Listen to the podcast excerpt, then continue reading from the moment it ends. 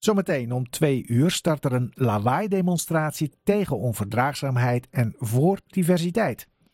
Dit naar aanleiding van de situatie in Oostzaanerwerf, waar verschillende regenboogvlaggen zijn vernield en een steen door de ruit is gegooid bij een lesbisch stel.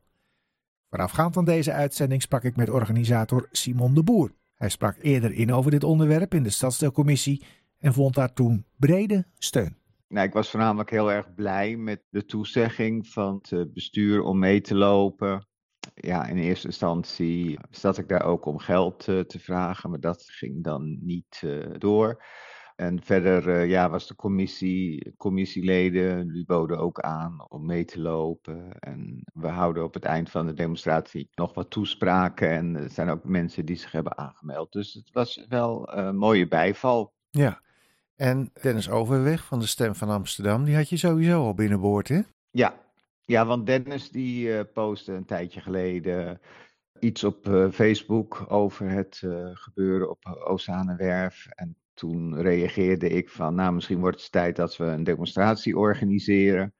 En nou ja, dus zodoende hadden we de koppen bij elkaar gestoken en besloten om om die demonstratie in elkaar te zetten. En eerst wilden we het in de Oceanenwerf doen, als een soort uh, bijval voor die mensen. Maar uh, ja, die zeiden ook van, laten we maar, doe maar niet hier, want straks krijgen we nog meer problemen. Dus, uh, ja. dus toen hebben we een andere locatie uitgekozen. Ja.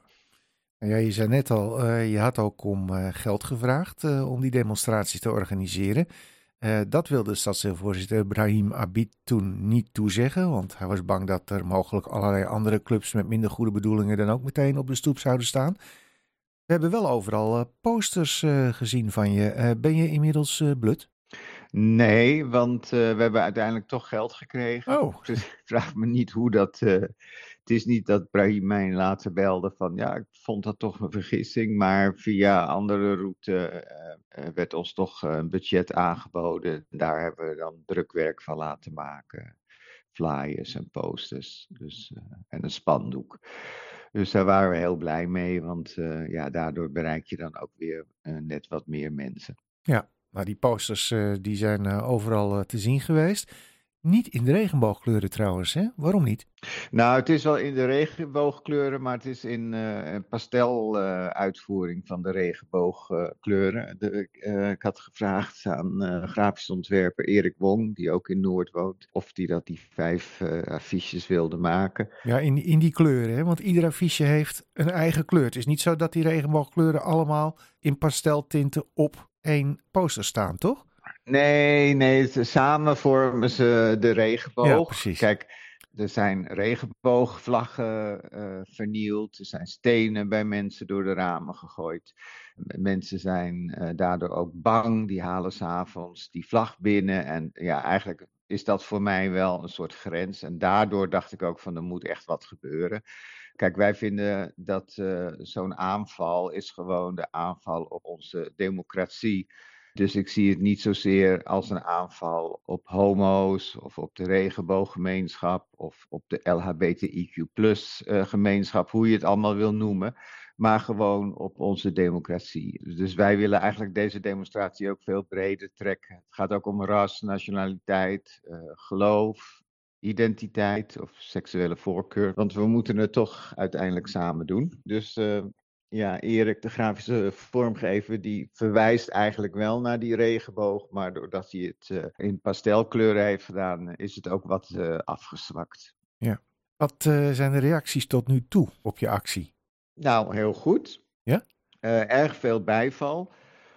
Ja, toevallig kreeg ik net nog een appje bijvoorbeeld van een buurvrouw die ook probeert te komen. Die, ik woonde vroeger in de Jordaan. En uh, zij woonde bij mij om de hoek. En die schreef me dan ook van, ja, ik vind het zo erg dat, uh, dat dit soort geweld uh, vandaag de dag weer plaats heeft. En ik ga echt proberen om ook even mee te lopen. Dus ja. dat zijn, ja, vind ik echt heel hartverwarmende berichten. En uh, zoals je weet heb ik in uh, Tutti dorp uh, Tiny Showroom gebouwd in mijn voortuin. Nou, dat is een klein, heel klein museumpje. Ja, ja, ja, expositieruimte. En daar organiseer ik exposities voor de buurt. En die heb ik ook ingezet, want uh, ja, daar staat de hele dag staat daar de deur open. Dan kunnen mensen affiches komen halen en flyers als ze zelf iets willen doen en willen verspreiden. En ik moet zeggen, daar komen ook regelmatig mensen die dan eventjes naar binnen piepen en met een poster naar buiten komen. Dus, en dan krijg ik later een foto van dat ze het voor de ramen hebben gehangen. Dus uh, ja, dat zijn allemaal hele mooie dingen. Het, uh, weet ja. Je, ja, nogmaals, ik denk echt dat we samen voor uh, moeten zorgen dat we een uh, tolerante wereld. Ja. Er allemaal een beetje mogen zijn wie we willen zijn. Ja. Heb je al enig idee van de opkomst? Zo meteen nou, ik denk, ik reken toch wel op 10.000 man. nee hoor, dat is een grapje. ik heb eerlijk gezegd geen idee. Dat is heel spannend. Ja. Elke demonstrant telt. Dus maar. mensen kunnen nog komen? Mensen kunnen nog komen. Ik denk dat, kijk, we verzamelen om uh, twee uur op het Mosplein. Ja, en, en wat gebeurt er dan? We, ja. ja, dan, loop, dan uh, op een gegeven moment gaan we lopen, maar dat zal nog wel even duren. Dus het is niet zo dat we direct om twee uur vertrekken. eerder denk ik tegen half drie. En dan lopen we naar, via de Van de Pekstraat lopen we naar de Pont. En daar in de buurt van de Pont zijn er nog toespraken onder andere van het stadsdeelbestuur. Ik zelf ga nog wat zeggen en nog mensen uit de commissie. En uh, ja, dan breken we op, dan is het gebeurd, dan hebben we ons punt gemaakt. Goed, mag ik je succes wensen en met de voorbereiding en bedankt dat je nog even aan de telefoon wilde komen. Ja, heel graag gedaan. Komen mensen,